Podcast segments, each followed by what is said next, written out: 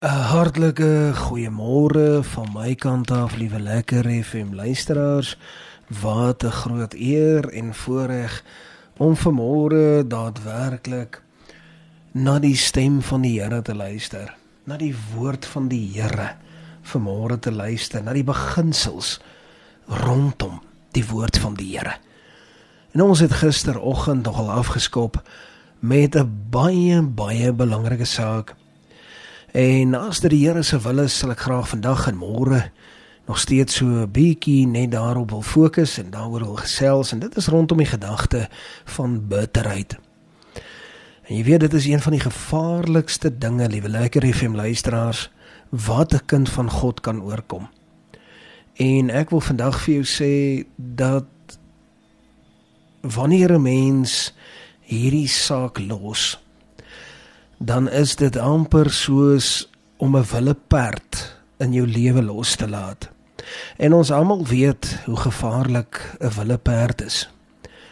Jy weet 'n wille perd is is een van van daardie diere wat al so baie dood veroorsaak het. Ja, daar is so baie mense wat al oorlede is ongelukkig as gevolg van perde, wille perde. Daar is Daar is mense wat verlam is as gevolg van dat hulle 'n wille perd basies toegelaat het om rond te hardloop in 'n uh, eh, half amper asof dit nie beheer gehad het nie. En ek wil vandag met soveel vrymoedigheid vir jou sê dat dat bitterheid is 'n wille perd. Bitterheid is 'n wille perd wat jou sal los iewers op 'n draad wat vir jou sal seermaak en vir jou sal vernietig en uiteindelik moet ons verstaan dat dit die sielsvyand is wat uiteindelik hierdie sake teweegbring. En dit is iets wat wat eintlik baie belangrik is om mooi en deeglik te verstaan. En daarom is dit belangrik dat ons as kinders van die Here verseker ek wil so ver gaan as om te sê 'n proaktiewe plan in plek kry as jy my lank genoeg ken. Dan sê jy weet ek hou van proaktiewe planne. Nou dis belangrik om 'n proaktiewe plan in plek te sit om daardie probleem, daardie wille perd aan te spreek want 'n wille perd is iets wat jy uiteindelik kan beheer. Onthou wat die woord sê. Die woord is baie duidelik deur te sê as jy 'n stang in die mond van 'n perd kan insit, dan beheer dit daardie perd. Nou 'n wille perd kan definitief beheer word.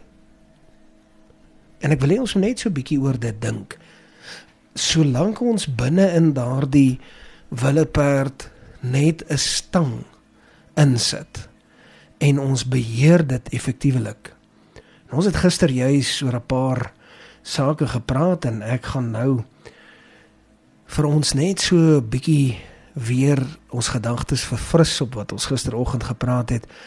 En dan wil ek graag onder die genade hand van die Here so twee sake aanbeweeg, so twee stappe wat ons kan neem.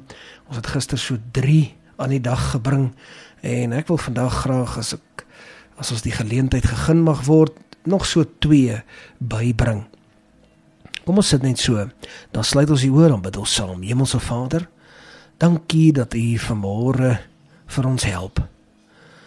Dankie dat U vir ons help om hierdie saak, hierdie groot wille perd in ons lewe te kom help aanspreek te kom help beheer. En Here dat U ons sal help dat ons sal fokus op dit wat werklik belangrik is. Eerder as op dit as as op dit wat wat sleg is. Here ek bid werklik waar dat U ons kom help.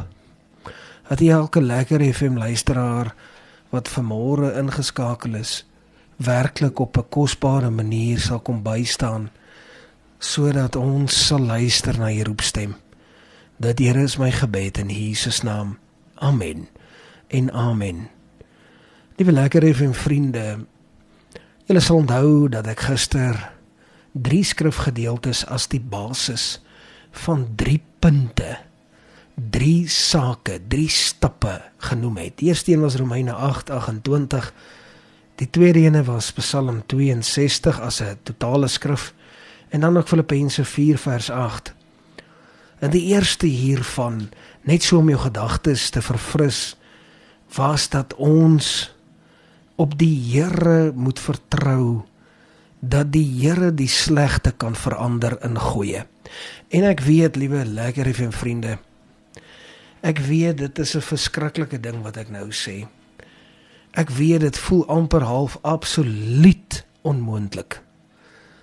En dit is baie moeilik om te verwerk as jy alreeds in die middel van daardie daardie bitter daardie bitterheid stryd is. En ek noem dit 'n stryd want dit is werklik 'n stryd. Daardie bitterheid in 'n mens se hart wat die oorhand wil kry. Dis amper alwaar jy dink. Is daai bitterheid. Is daai ongelukkigheid. Daai dat jy te nagekom is of was of al lank te nagekom word. Gewoonlik kom bitterheid nie net sommer vinnig nie. Bitterheid is nie iets wat binne 'n dag of 'n week kom nie in my ondervinding is bitterheid iets wat oor jare kom. Wat nou al lank gebeur. Dis iets wat wat lank kom en nie wil verander nie. Iets wat 'n mens aanhou seermaak. Iets wat 'n mens aanhou pla wat jou eintlik skade aanrig op 'n permanente basis. 'n relatiewe gereelde gebeurtenis en so vorm daai klein klein ou saaitjie van bitterheid, daai klein saaitjie van bitterheid wat jou hart naderhand wil oorspoel. Dis juis dit. Dit kom oor tyd en begin klein en naderhand raak dit al hoe groter. Maar as ek en jy tog net kan verstaan wat die waarde daarin is om dit wat sleg is te draai heens en na dit wat goed is. As ons kan vertrou dat dit iets is wat ons kan regkry en kan vertrou dat die Here weet wat hy doen en dat dit kan verander in goedheid. Ek weet ons as mens sukkel om dit te verstaan. En ek weet jy luister vanmôre, liewe lekker effe vriend. En ek weet daar's duisende wat ingeskakel is en wat vanmôre luister. En jy dink amper by jouself, dis absoluut vir my onmoontlik om die goed hierin te kan raak sien. Maar ek weet as ek kyk na die verlede dat die Here tog negatiewe dinge wat baie negatief was verander het in iets wat fenomenaal uitgedraai het, iets wat goed was. En omdat ek in die geskiedenis inkyk, maak dit dit vir my moontlik om dan ook nou die moontlikheid te kan verstaan dat die Here wel dit wat sleg is kan verander in dit wat goed is. Al verstaan ons dit nie nou nie, kom ons maak 'n besluit om te vertrou dat dit so kan gebeur. Al verstaan ons dit nie, ek weet ek weet en ek staan eerste in die ry. Ek steek eers toe baie jou hoog my hand op en ek weet dit is definitief nie maklik nie. Maar kom ons vertrou dat die Here weet wat hy doen en dat die slegte kan verander in die goeie. Die tweede gedagte wat ek gister oor gepraat het, was juis die gedagte van plaas jou hoop in die Here alleen. Jou vertroue. Want geen ander kan daardie vertroue vir jou gee as wat die Here dit gedoen het nie en wat hy kan doen en wat hy sal doen nie want hy is gister en vandag en tot in ewigheid dieselfde. As 'n mens dan sê Here ek plaas my vertroue net in U en ek ek glo vas net in U en dat U die saak skik en stuur en dat U dit kan verander dan kan die Here dit verander Die vertroue moet net op hom wees, nie op iets anders nie. Mees van die tyd ongelukkig vertrou ons op ander dinge. Dinge wat nie die Here is nie. Ons vertrou partymal op mensgemaakte stelsels terwyl ons veronderstel is om te vertrou op die Here. Ons moet net vertrou op die Here. En die derde gedagte, net so vinnig, is die gedagte van dat jy moet fokus en hiervoor het ek Filippense 4 vers 8 as die basis gebruik dat ons moet fokus op dit wat goed is in ons lewe, nie dit wat sleg is nie. En liewe lekker FM luisteraar, ek wil vir jou sê dit is makliker as die vorige twee. Dit is haalbaar. Dit is haalbaar om te fokus op dit wat goed is want daar is baie. Daar is baie waarop ek en jy kan dankbaar wees. En dit wat die Here alreeds in plek gebring het, kom ons sê dankie vir dit. Kom ons vier die klein oorwinnings. En kom ons vergeet van daardie bitterheid. Och, en dit is moeilik. Liewe lekker effe luisteraars. Ek weet. Die Here weet, ek weet dit is nie maklik nie. Maar dit is die moeite werd. Ek wil graag raak aan die 4de stap en ek wil jou daarmee bemoedig. En dit is om te bid vir die saak. Daardie saak wat die bitterheid aanvanklik begin het. Daarvoor moet jy bid en dit is amper onmoontlik. Romeine 12:14 wil ek gebruik as die basis vir dit. Bid vir die saak, bid vir die saak. En wat jou gebed moet wees is iets wat tussen jou en die Here is. En ek sal voorstel bid dat die Here wat ook al se oë moet oopmaak, dat die sake aan die lig kom, dat die werklikheid aan die lig moet kom. Ek sal ook voorstel bid bid vir dit wat wat jy wat jy weet ook realisties is.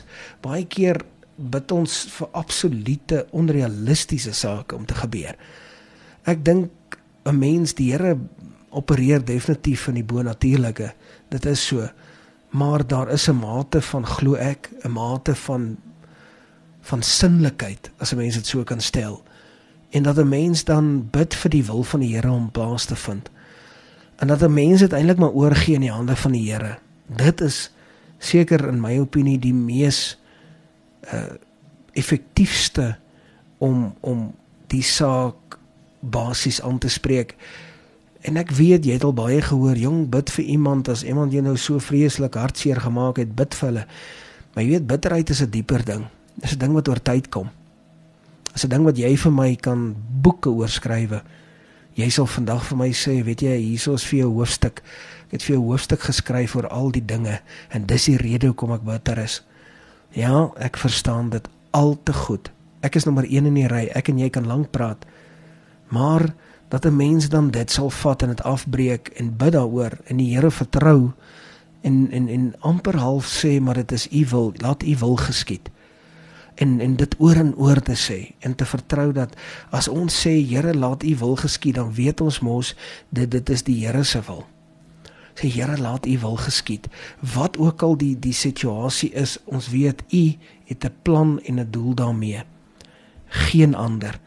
Kom ons vertrou die Here wat dit aan betref. Dan weet ons dat die Here niks anders as sy wil kan laat plaasvind nie. Tot sover die woord van die Here. Kom ons sit net so. Dan sluit ons die oor en bid ons saam. Hemelse Vader, dankie vir u woord. Dankie dat u woord in ons harte vanmôre kom ingang vind het en dat u vir ons help. En Here, my gebed is dat ons nie te vinnig deur hierdie sake beweeg nie.